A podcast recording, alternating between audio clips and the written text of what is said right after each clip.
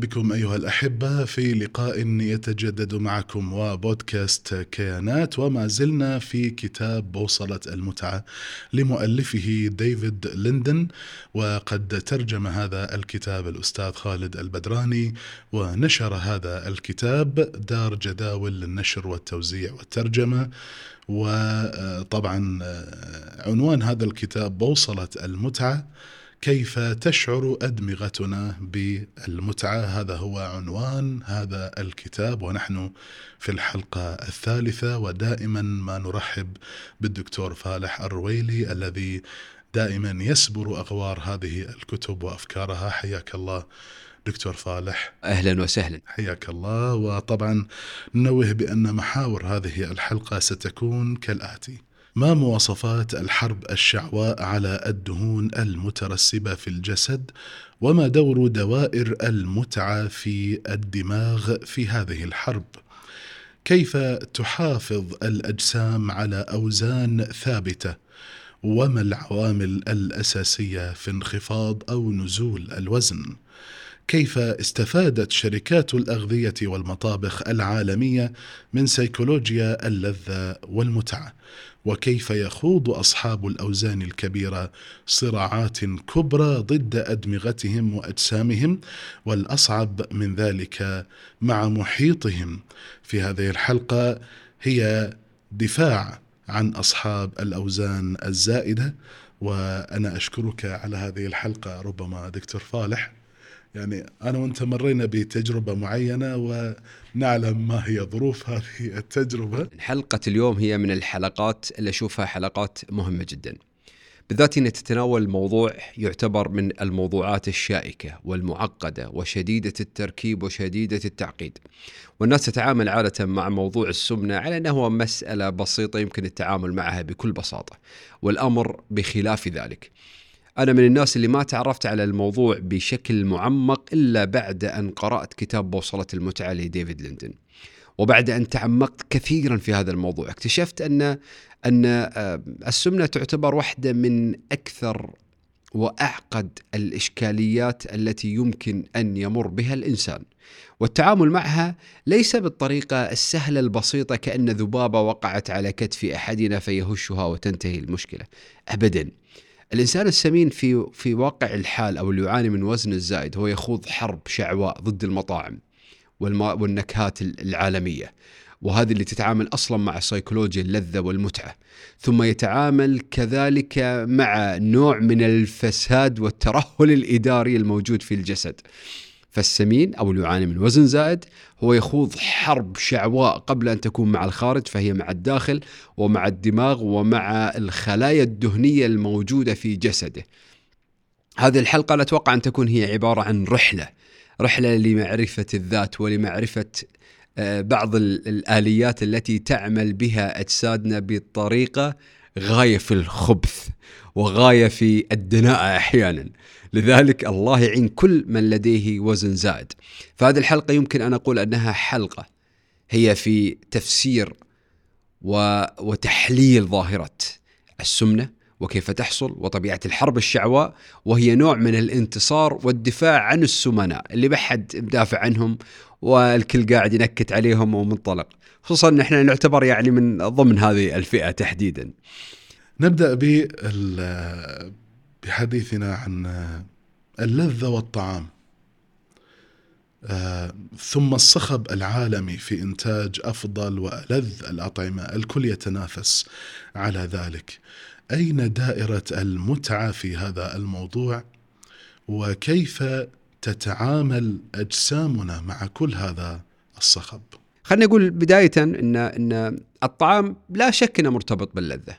لا شك. إحنا أصلا نقول طعام لذيذ. إحنا كلمة اللذة أصلا مرتبطة بكل ما نشرب ونأكل ونتذوق ونتعرف عليه من حين إلى آخر بل إن ألسنتنا أو حاسة التذوق هي واحدة من الحواس الأساسية الموجودة عندنا.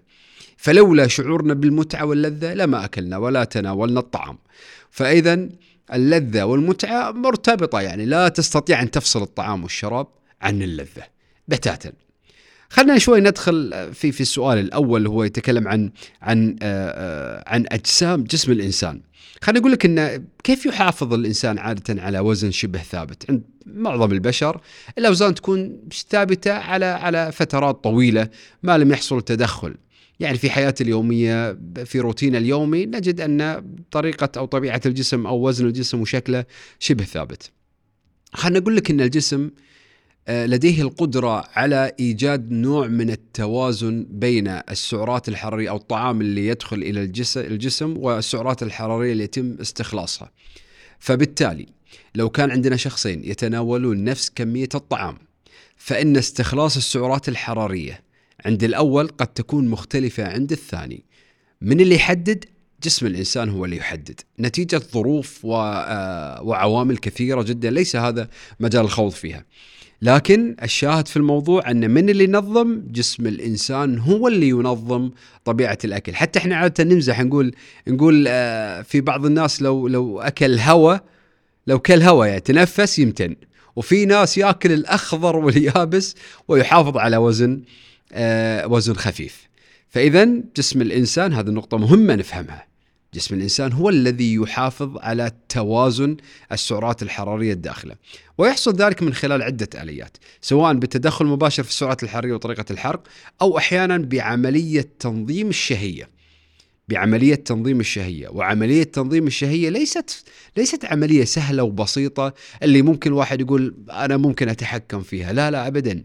سنجد أن الجسد يعني بعدين مع تعمقنا في المادة راح نلاقي أن الجسم نفسه في في آلية معينة وفي هرمونات معينة مسؤولة عن هذا النوع من التنظيم وخلايا وعدة جهات مختلفة ومنوعة حتى تستطيع أن تنظم عمل عمل الشهية. الخلاصة في الموضوع أن أن الله سبحانه وتعالى وهبنا أجسام، هذه الأجسام لديها القدرة على أن تعمل نوع من التوازن. هذا التوازن بين ما يدخل إلى الجسم وبين السعرات الحرارية التي يتم حرقها أو عمليات التخزين اللي يتم للدهون. وعمليات التخزين أصلا هي جزء من التطور الموجود عند البشر اللي كانوا في في بداية في بطلع التاريخ الإنساني أو الحضارة الإنسانية أو قيام المجتمعات الإنسانية. كان كان توفر الطعام عملية معقدة وصعبة وقد تكون عملية أحيانا قاتلة ومميتة خصوصا مع الصيف مع الصيد عفوا. فلذلك الجسم عادة يلجأ إلى إلى إلى تخزين الدهون فتخزين الدهون حتى يستطيع الإنسان على الأقل أن يتعامل مع ندرة الطعام والشراب. اليوم إحنا نعاني العكس، اليوم هناك ليس ندرة في الطعام والشراب هي كثرة، بل أحيانا قد يكون نوع من التضخم الشديد في أنواع النكهات والأطعمة آه، وهذه عمليات ليست عبثية بل هي عمليات مدروسة. فاليوم المشكلة السمنة تعتبر واحدة من أعقد وأكبر المشكلات الموجودة على الإطلاق كما كما سندخل في الموضوع ونناقشها أكثر. طيب كيف يتحكم الدماغ في في كتلة الجسم؟ آه هذا السؤال من الأسئلة اللي اللي مكملة لحديثنا الأول عن التوازن اللي يوجده الدماغ في في في الطعام والشراب. آه خلينا نقول إن الإنسان عندما يتناول الطعام بعد فترة لما يبدأ تخزين الدهون فالدهون تفرز آه آه الخلايا الدهنية تفرز نوع من معين من الهرمونات البروتينيه آه، يسمى ليبتين. مو شاي ليبتون لا هو اسمه ليبتون الهرمون. إن شاء الله اكون عاد الفضاء أنا بشكل صحيح. هذا الهرمون لما يبدأ ينتشر في في الجسم تصل إلى إلى منطقة مستقبلات معينة في الدماغ فالليبتين هذا الهرمون آه، لما يصل إلى الدماغ آه، يبتدي الدماغ يعمل بالطريقة التالية قمع للشهية وزيادة عمليات حرق الحرق في داخل الجسد فبالتالي يحافظ يستطيع الجسم أن يحافظ على نسبة معينة من آه، بشكل أو خلينا نقول إحنا يصير التحكم في في كتلة الجسم. آه، اللي اللي يصير وين؟ أن عندما يتم إفراز هذا الهرمون مع الوقت يبتدي الجسم يحافظ على الوزن أو يخفض على الأقل من حجم السعرات الحرارية الداخلة مع عمليات الحرق فينزل جسم الإنسان. وقد وجد العلماء أن هناك يمكن أن يتم تصنيع هذا الهرمون أحيانا للتعامل مع الأشخاص اللي عندهم نقص في إفرازات هذا الهرمون. وبالتالي إحنا الآن بدأنا نستشف أو نرى على الأقل العملية طبعا إحنا قاعدين نبسطها الحين ولعل الدخول والقراءة في الكتاب راح تعطيك الزوايا وتعطيك عمق حتى في فهم الظاهرة الجسمية هذه أو أو أو الآلية التي تحصل في داخل جسم آه، الإنسان. هناك فكرة تقول بأن الأكل سلوك واع وتطوعي في المقام الأول وهي فكرة متجذرة في أعماق آه، ثقافتنا. فيعني دائما ما نسمع مقولة آه، يعني نحن آه، لا آه، يعني نعيش لكي نأكل. لا نحن نأكل لكي نعيش. ف يعني هذه هي التراتبية التي من خلالها من المفترض أن يكون المرء محاسبا ربما على يعني مقادير ما يتناوله. زرعت فكرة الإرادة فينا نحن البشر وأننا نمتلك حرية التصرف في أي شيء ونود التصديق بأن أوزاننا يمكن فعلا التحكم بها بمشيئتها أو عفوا بمشيئتنا لوحدها. فلماذا ذلك الشخص البدين آه الحبيب اللطيف لا يستطيع أن يتوقف عن تناول الطعام وأن يزاول الرياضة أو يمارس الرياضة هل تنقصه الإرادة حسب آه، كتاب بوصلة المتعة؟ طبعا نعم هي ثقافة موجودة أن الأكل سلوك واعي وأن الإنسان يختار ما يأكل وهي فيها فيها جزء من الصواب ولكن أحيانا الإطلاق أو التعامل مع هذا السؤال بشكل مطلق أن نعم إحنا متحكمين تماما فيما نأكل ونشرب وأن الإنسان اللي عنده زيادة في الوزن يستطيع أن يحل هذه المشكلة بلمح البصر. هذا الكلام بهذه الطريقة هو كلام خاطئ تماما. ليش؟ لأن دوائر التحكم آه، في تناول الطعام آه، الموجودة لدينا لا تعمل بالطريقة اللي إحنا نتصورها أو بالطريقة اللي إحنا نستطيع أن نتحكم فيها. بل ال ال الأمر أكثر تعقيدا من ذلك. قبل شوي كنت أتكلم عن عن هرمون آه، الليبتين اللي هو يتم إفرازه من قبل الخلايا الدهنية. طيب لو قلت لك إن الخلايا الدهنية أحيانا آه، في عندها نوع هي عبارة عن مافيات وعصابات وتعمل بطريقة معاكسة للجسم وهذه أول ما تنزل شوي في بعض الأجسام فتبتدي تسوي مؤامرة على جسم الإنسان فتعطي المعلومات فتعطي الدماغ فتعطي. فتعطي الدماغ معلومات خاطئة ومضللة تماما. هذه كيف تتحكم فيها؟ إحنا ما قلنا قبل شوي لما يزيد هرمون اللبتين يصير قمع للشهية ورفع لمنسوب الحرق داخل الجسم. مو هذا العملية اللي يسويها آه، وجود اللبتين. هذه إذا أفرزت الخلايا الدهنية طيب إذا قررت الخلايا الدهنية إن هي ما تفرز هذا الهرمون شو اللي يصير في الجسم؟ اللي يصير انه سيبقى الجسم آه، أو الدماغ يصدر آه، إشارات بفتح الشهية يعطي أوامر إن الشهية تبقى مفتوحة وتقليل نسبة الحرق في داخل الجسم. وهذا ما يحصل في أجسام الكثير من أصحاب الأوزان الزائدة. اذا هي مؤامرة مع وداخل جسم الإنسان. فمو من من من السهل إنك تقول لإنسان يا أخي امسك نفسك تعامل مع تعامل يعني قاوم الطعام والشراب وأنت تقدر وأنت قوي وأنت وأخرج المارد وأطلق الأحصنة وأنت إنسان عظيم وكل شيء سهل وبسيط. هذا الكلام ممكن اللي اللي ما عنده هذا الترهل والفساد الإداري الموجود في في الخلايا الدهنية ممكن يقوله بكل بساطة لكن العملية ليست بهذه الطريقة وبهذه البساطة. كما قلت ويمكن كررت هذه النقطة والفكرة أكثر من مرة أن أصحاب الأوزان الزائدة ومن يعانون من السمنة يقاتلون ضد أجسامهم أحيانا. وهناك حرب شعواء في داخل الجسم فهو فعليا يعمل ضد الجسم. في الوقت اللي الجسم فاتح له الشهية أو أو الدماغ يعطي يعطي الأوامر بفتح الشهية وإطلاقها وتقليل حجم الحرق داخل الجسم هو قاعد يحاول أن يمشي ويبذل مجهود ويمارس الرياضة وي... ويمتنع عن تناول الطعام فهي حرب وحرب شديدة. مثل بالضبط إنسان عادي طبيعي وزنه وزنه عادي جدا ويشعر بجوع شديد وأنت تقول له لا لا تاكل لا تاكل. مو بس لا تاكل ويا أخي قوم حرك نفسك شوي وقوم تمشى شوي. فشفتوا العملية هي العملية بهذه الطريقة فإحنا أحيانا نظلم إذا ما فهمنا من المهم جدا أن نفهم السيكولوجيا هذه والطريقة والآلية والميكانيزم الموجودة في في عقل الإنسان وفي جسد الإنسان اللي تمشي باتجاه الوزن الزائد آه، اللي يحصل آه، أو المشكلة العويصة اللي تحصل لدى من لديهم أوزان زائدة. اذا يلاحظ بأن هناك سلوك تفاعلي مشترك بين تناول الطعام من جهة والمواد المخدرة من جهة أخرى. آه كلاهما يفعلان دائرة المتعة المتداخلة في الدماغ دكتور فالح وهذا يعني أن السمنة أيضا بطريقة ما هي نوع من إدمان الطعام أليس كذلك؟ أيضا هذا السؤال يعتبر من الأسئلة المهمة جدا. تناول الطعام يعطينا حجم معين من المتعة وطريقة معينة من المتعة أو على الأقل مستوى معين من المتعة. ودعني أجيب على هذا السؤال بسؤال آخر. لو كان لدينا إنسان وزنه خفيف وإنسان عنده وزن زائد أيهما يشعر بمتعة أكبر من الآخر؟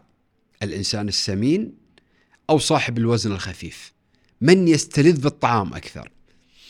معظم اللي سألتهم هذا السؤال أجابوا عليه بالطريقة التالية. أن السمين هو من يشعر بمتعة أكبر في تناول الطعام. والإجابة حسب أبحاث الدماغ وحسب كتاب ديفيد ليندن بوصلة المتعة فإن الإنسان خفيف الوزن هو من يستلذ بالطعام بمستوى أكبر من من يعاني وزنا زائدا. مرة ثانية. الإنسان اللي وزنه أخف هو اللي يشعر بلذة الطعام أكثر وأكبر من الإنسان اللي وزنه زائد وهذا يذكرنا بكلام تناولناه في حلقة سابقة لما قلنا عن اللي يتناولون مواد تؤدي إلى الإدمان. أنه هو الجرعة اللي قاعد ياخذها بعد فترة لا تحقق لديه نفس مستوى اللذة عندما بدأ بتناول هذه الجرعة فيبدأ يأخذ جرعة أكبر وجرعة أكبر وهذا اللي بعدين ظاهر يصير الأوفر دوز أو الجرعة الزائدة اللي تؤدي أحيانا إلى الموت. كذلك في الطعام فالإنسان ذو الوزن الزائد لا يستلذ بمقدار الطعام الذي يأكله مثل استلذاذ الإنسان العادي أو صاحب الوزن العادي ويحتاج من حين إلى آخر أن يزيد من كمية الطعام اللي يأكلها حتى يشعر بنفس شعور اللذة اللي ممكن يحصله أي إنسان عادي. يعني بلغة الأرقام آه قد تكون نصف سندويشة تحقق للإنسان العادي لذة معينة ولكن عند الإنسان الوزن الزائد قد تكون سندويشة ونص حتى تعطيه نفس مقدار اللذة والمتعة. وهذه واحدة من النقاط الأساسية التي تخلينا نفهم ليش اللي عنده وزن زائد يلتهم الطعام بكمية أكبر من غيره. لأن مستوى اللذة التي يشعر بها أقل من مستوى اللذة الموجودة لدى غيره. فلاحظت معي في عندنا مشكلة الهرمون اللبتين والخلايا الدهنية؟ هذه من جهة والجهة الأخرى هي أن جرعة الطعام اللي قاعد يتناولها لا تعطيه ذلك الشعور اللي هو متوقع إنه يحصل عليه من تناوله للوجبة خصوصا لما إحنا نشوف الوجبات السريعة والمطاعم وغيرها اللي تقدم الطعام وت... وتبين لك ان شعور اللذة اللي أنت راح تحسه من من من اللقمة الأولى أنت شعر بلذة مقدار لذة كبير ويخليك تنغمس فيه في الطعام. فهذا الإنسان ما يشعر بمثل اللذة اللي هو قاعد يشوفها. فهذا أيضا جانب آخر من جوانب التعقيد الموجود الموجود عند أصحاب الأوزان الزائدة. فلذلك لما نقول إحنا هل ممكن هل ممكن الإدمان على الطعام؟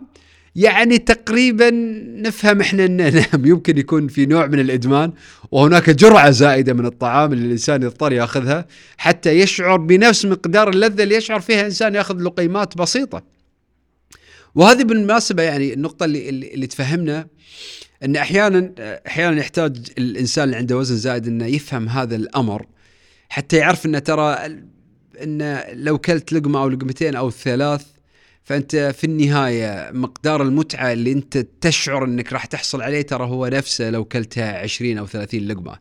فخلاص وفر على نفسك إذا كان لديه القدرة على على على السيطرة على على هذا الشعور تحديدا. فهي مسألة عقلية بحتة إذا استطاع الإنسان ان أن يجربها. ودعني أزيد على على موضوع اللذة والجرعات وغيره. ال ال الأمور الملفتة للنظر وهي كلام إحنا كنا عادة نسمعه ان أن هناك مكونات في الطعام تزيد من حجم اللذة والمتعة وهي الملح والسكر والدهن وفعليا فعليا يعني تثبت الكثير من الدراسات والقراءات والكتاب يذكرها بنوع من التفصيل كتاب آه، بوصلة المتعة أن هذه المكونات لسبب أو آخر تساعد على إفراز الدوبامين في الدماغ وبالتالي زيادة شعور الإنسان باللذة مع تناول الطعام. ونرجع نقول أن أين يشعر الإنسان باللذة؟ يشعر الإنسان باللذة في الدماغ وليس في مناطق الاستقبال هذه الإشارات، ففعليا الدماغ هو اللي يفسر يفسر هذا الأمر.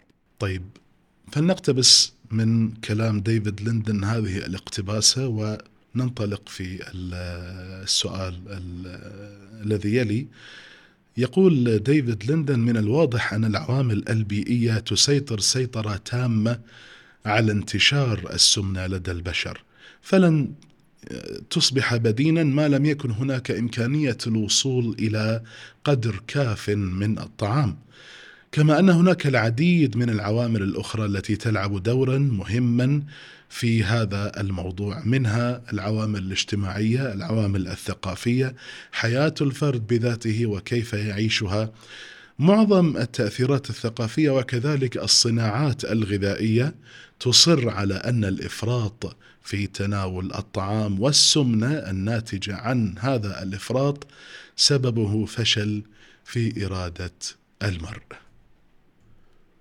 ماذا يقول كتاب بوصلة المتعة وماذا أو ماذا تقول قراءتك لهذا الكتاب في مقابل هذا الاقتباس المعنى الذي يريد أن يشير إليه آه، ديفيد ليندن في هذه النقطة تحديدا أن الأدلة الوراثية تجادل بقوة ضد هذه الفكرة حيث تشير البيانات إلى أن الجينات تحدد ما يبلغ من 80% من الاختلافات في مقدار كتلة الجسم وخلنا أقول لك ان إن موضوع كتلة الجسم أو الوزن أو تشكيلة الجسم هي مسألة جينية آه، أكثر منها مسألة متعلقة بطبيعة الأكل. نعم تأكل كثيرا آه، خلايا دهنية أكثر أو وزن زائد أكثر. ولكن فيما يتعلق بشكل الجسم أو المناطق اللي يتم توزيع الدهون فيها فهي مسألة آه، وراثية أكثر منها أي شيء آخر. وبالتالي إحنا علينا أن أن, أن نفهم هذه النقطة تحديدا حتى ما نظلم ونستعجل بإصدار الأحكام ضد الآخرين وضد الناس أنه تأكلون بزيادة أنتم أوزانكم زايدة أنتم ما تحافظون على على أوزانكم فسمات الطول الطول هل يستطيع الإنسان أن يتدخل في طوله أو عرضه؟ لا يستطيع أو خلينا نقول هل يستطيع الإنسان أن يتدخل في الطول؟ لا كذلك في العرض في عوامل وراثية آه هذه العوامل الوراثية أساسية في تحديد شكل ومقاسات جسم الإنسان. طبعا كلامي لا يعني لا يعني كلامي أنك سواء أكلت كمية زايدة أو كمية قليلة فوزن جسمك راح يبقى على ما هو عليه، لا. أنا أحاول طول الحلقة ان أفسر أن هناك عوامل متعددة في منها جزء آه، هرموني، في جزء منها جيني، وفي عوامل بيئية كذلك واحيانا عوامل عاطفية كلها تؤثر في آه، في وزن الإنسان. وهذه التأثيرات هي كبيرة وعميقة. فكل هذه التأثيرات لما تكون متداخل تجعلنا نفهم لماذا تعتبر السمنة من أكثر الإشكاليات معقدة في حياة أو أكثر الأمراض المزمنة تعقيدا في حياة الإنسان مع التأكيد على أن الإفراط في تناول الطعام هو العامل الأهم في موضوع السمنة إضافة إلى العوامل الأخرى اللي هي انخفاض استهلاك الطاقة من جزيئات الطعام أو العملية الهرمونية اللي شرحتها في بداية الحلقة. طيب لنعد إلى آه، ديفيد ليندن آه، دكتور ويقول في هذا الكتاب أيضا آه، تنتج الأطعمة المختلفة أو عفوا تنتج مستويات مختلفة من إفراز الدوبامين هرمون السعادة كما يسمونه. فالجائعون يأكلون حتى الشعور بالشبع لينخفض بعدها معدل إفراز الدوبامين. ولا عجب أن تكون المضغة الأولى للطعام كما يقول هي اللحظة الأكثر شعورا بالمتعة لدى الجائعين. يذكرني ببعض الإعلانات التجارية اللي لما يعني يقضم قضمة من الشوكولاتة ولا من الشطيرة فيعني يغمض عينه ويأخذ نفس عميق ويعني ويروح في عالم ثاني. طيب كيف هي قراءتك لهذا الاقتباس من الملاحظات اللي أذكرها ديفيد ليندن أضيف في الكتاب على هذه النقطة تحديدا أن في المتوسط تقل كثافة مستقبلات الدوبامين في المناطق الدماغية آه، آه، لدى الأشخاص البدناء مقارنة باقرانهم النحيلين. وهذا اللي يخلينا نفهم إحنا موضوع المتعة المخففة اللي لعل لعلي تكلمت فيها قبل آه، قليل. وبالتالي فإن فإن علينا أن نفرق بين آه، بين أمرين أساسيين. آه، الأمر الأول هو أن شعور البدين باللذة في تناول الطعام تختلف عن شعور الإنسان العادي أو الطبيعي اللي ما عنده وزن زائد في تناول الطعام. وهناك عامل آخر يتدخل في هذه النقطة تحديدا هو عامل آه، عامل التوقعات التوقعات اللي الإنسان يريد أن يشعر بها في عند تناوله لكمية من الطعام. فكلما زاد مستوى التوقعات إن هذا الطعام اللي راح يتناول راح يكون لذيذ وجميل وشاعري بعدين لما يتناوله ما يجد هذه المتعة واللذة كل ما أصيب بخيبة أمل أحيانا خيبة الأمل بالمناسبة هي سبب في تناول المزيد من الطعام وهذا اللي خلينا آه، خلينا نركز ونؤكد على على التعقيد الموجود في موضوع السمنة تحديدا. ديفيد ليندن يرى أن آه، لدى الإنسان ارتباط وثيق منذ لحظة الولادة بتفضيل بعض النكهات والروائح أيضا. فيقول أبرزها الأكل المحتوي على الدهون والسكر والملح. ويظهر لدى البشر إفراز أكبر للدوبامين عند تناول هذه الأطعمة آه، بالذات عندما تكون مشبعة بالدهون والسكر.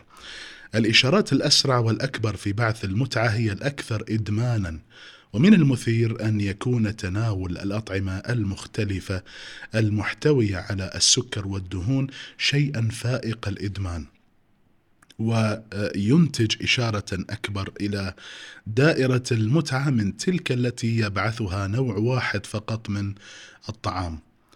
هل هذا يعني أن السمنة أيضا لها بعد استهلاكي؟ وليس فقط آه، من ناحية الإدمان. هذه النقطه تحديدا هي من النقاط اللي تخلينا نفهم أكثر ونفتح جبهة جديدة من جبهات القتال اللي يخوضها الإنسان آه، ضد ضد موضوع السمنة. وهي المطابخ والشركات العالمية. المطابخ والشركات العالمية والمخابز وشركات الأغذية وغيرها لعبت دورا كبيرا في التعامل مع موضوع اللذة والمتعة والإيصال باللذة إلى أقصى مكان وأقصى مدى ممكن. خصوصا أن النكهات هي عملية تدرس. تستطيع أن تدرس موضوع النكهات دراسة مستفيضة. فتعرف وترى وتلاحظ أن هناك نكهات عليها إقبال أكبر وأشد من نكهات أخرى. فالنكهات اللي راح تنباع أكثر هي اللي راح أنت تبدأ تبدأ تنتج منها كميات كبيرة. وحتى أن ديفيد ليندي نذكر ان أن دراسات السمنة لاحظت أن هناك مقدار زيادة كبيرة في معدلات الوزن 12 كيلو تقريبا كيلو جرام في الولايات المتحدة الأمريكية من فترة الستينات على في المتوسط للإنسان الواحد. وهذه زيادة ضخمة كبيرة وكبيرة جدا. هنا ندرك بس حجم البعد الاستهلاكي في الصراع مع مع الوزن الزائد ومع السمنة ومع الدهون المترسبة والموجودة في داخل آه، جسم الإنسان. وتتم العملية كالتالي أن هناك بعض النكهات والنكهات هذه راح أفصل فيها بعد شوي. النكهات هذه آه تثير وتحرك دائرة المتعة في الدماغ أكثر من نكهات أخرى. هذه تأتي عن طريق عن طريق التجربة سواء كانوا اللي ما كانوا دارسين العملية كانوا يلاحظونها من خلال البيع. ما هو المنتج الأكثر مبيعا؟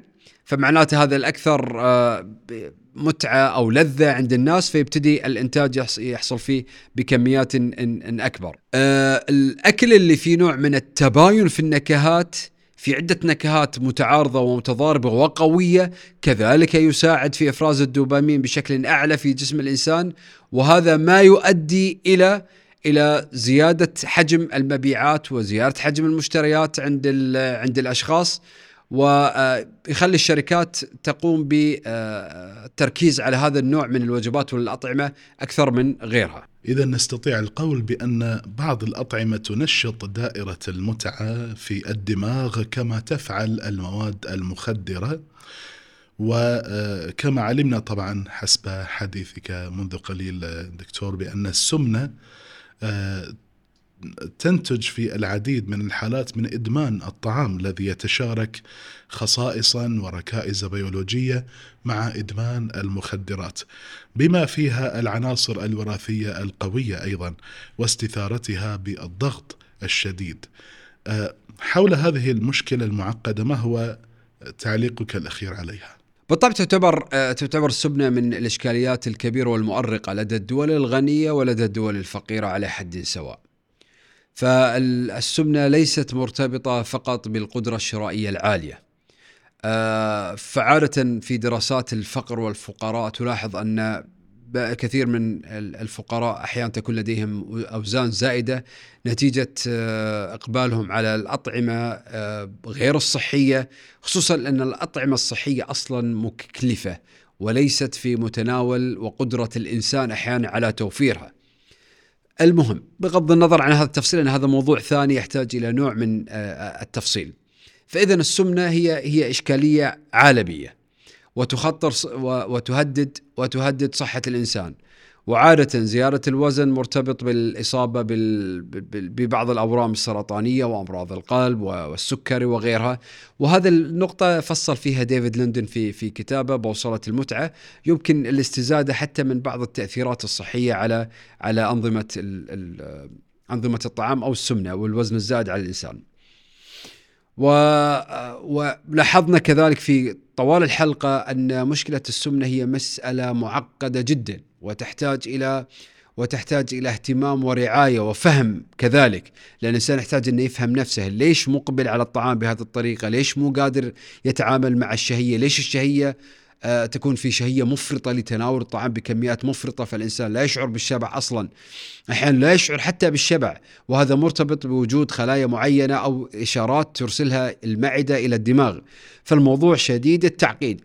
ولهذا تعتبر أحيانا كما يقول ديفيد ليندن أن التدخلات الجراحية لمثل عمليات آه، تكميم المعدة تعتبر من التدخلات الأكثر نجاحا مقارنة بعمليات تطبيق آه، آه، أنواع معينة من الرجيم خصوصا أن كثير من طقور الرجيم يحتاجون يعني إلى مجهود كبير وفي شريحة كبيرة يفشلون حتى في تطبيق بعض أنظمة آه، الطعام أو الرجيم أو تخفيف الوزن.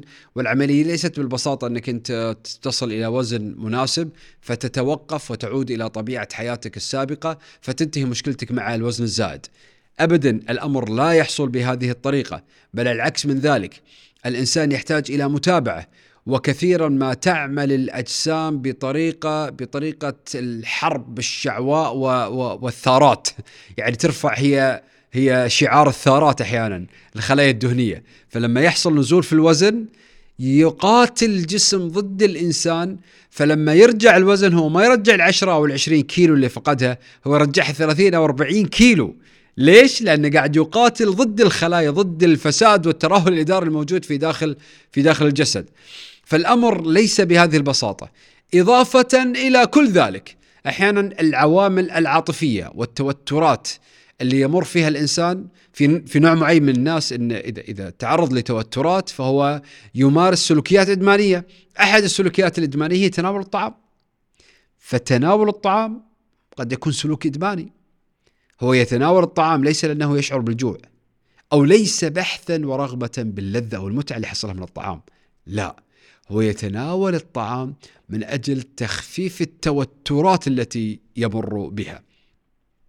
فإذا كنت راح أختم أنا في في هذه الحلقة عن موضوع اللذة والمتعة وكيف أن الطعام ممكن يصل إلى مرحلة معينة من الإدمان.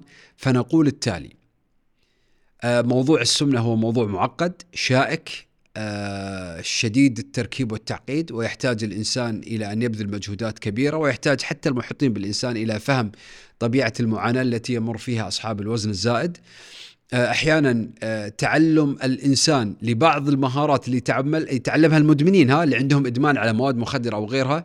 تعلمه لبعض هذه التكنيكات تفيده وتفيده بشكل قوي في التعامل مع الرغبة الشديدة في التهام كل ما لذ وطاب وفي التفريغ العاطفي في آه، آه، الطعام. أخيرا قدرة الإنسان على التعامل مع التوترات الحياتية اليومية اللي قاعد يعوضها عن طريق تناول كميات غير مطلوبة آه، من الطعام والشراب حتى يخفف من هذا التوتر استخدامه لبعض التكنيكات والاستراتيجيات مثل المشي مثل الحديث مع صديق مثل آه، قضاء وقت ممتع مع العائلة وغيرها من التكنيكات هذه تساعد الإنسان حتى على التخلص من التوترات وبالتالي التخلص من العادة الإدمانية اللي يتصل في يصل فيها الإنسان إلى إلى إلى آه، زيادة الوزن بشكل آه، مفرط. نتمنى يعني أن نكون في هذه الحلقة السبت على الأقل أو وضعنا بعض النقاط على الحروف في التعامل مع الأوزان الزائدة والسمنة واللذة والنكهات الطعام اللي قاعد تحصل والحرب الشعواء اللي يخوضها الإنسان ضد الجسد وضد الشركات وضد المطاعم والمطابخ العالمية وكل ما يقدم من منتجات يسيل لها اللعاب. إن شاء الله في الحلقات القادمة راح نناقش أيضا اللذة والمتعة ولكن مع ممارسات أخرى منوعة. شكرا لك دكتور فالح وشكرا لمتابعينا الكرام. نلقاكم إن شاء الله في كيانات أخرى. في هذا الكتاب أيضا. حتى ذلك الحين في أمان الله.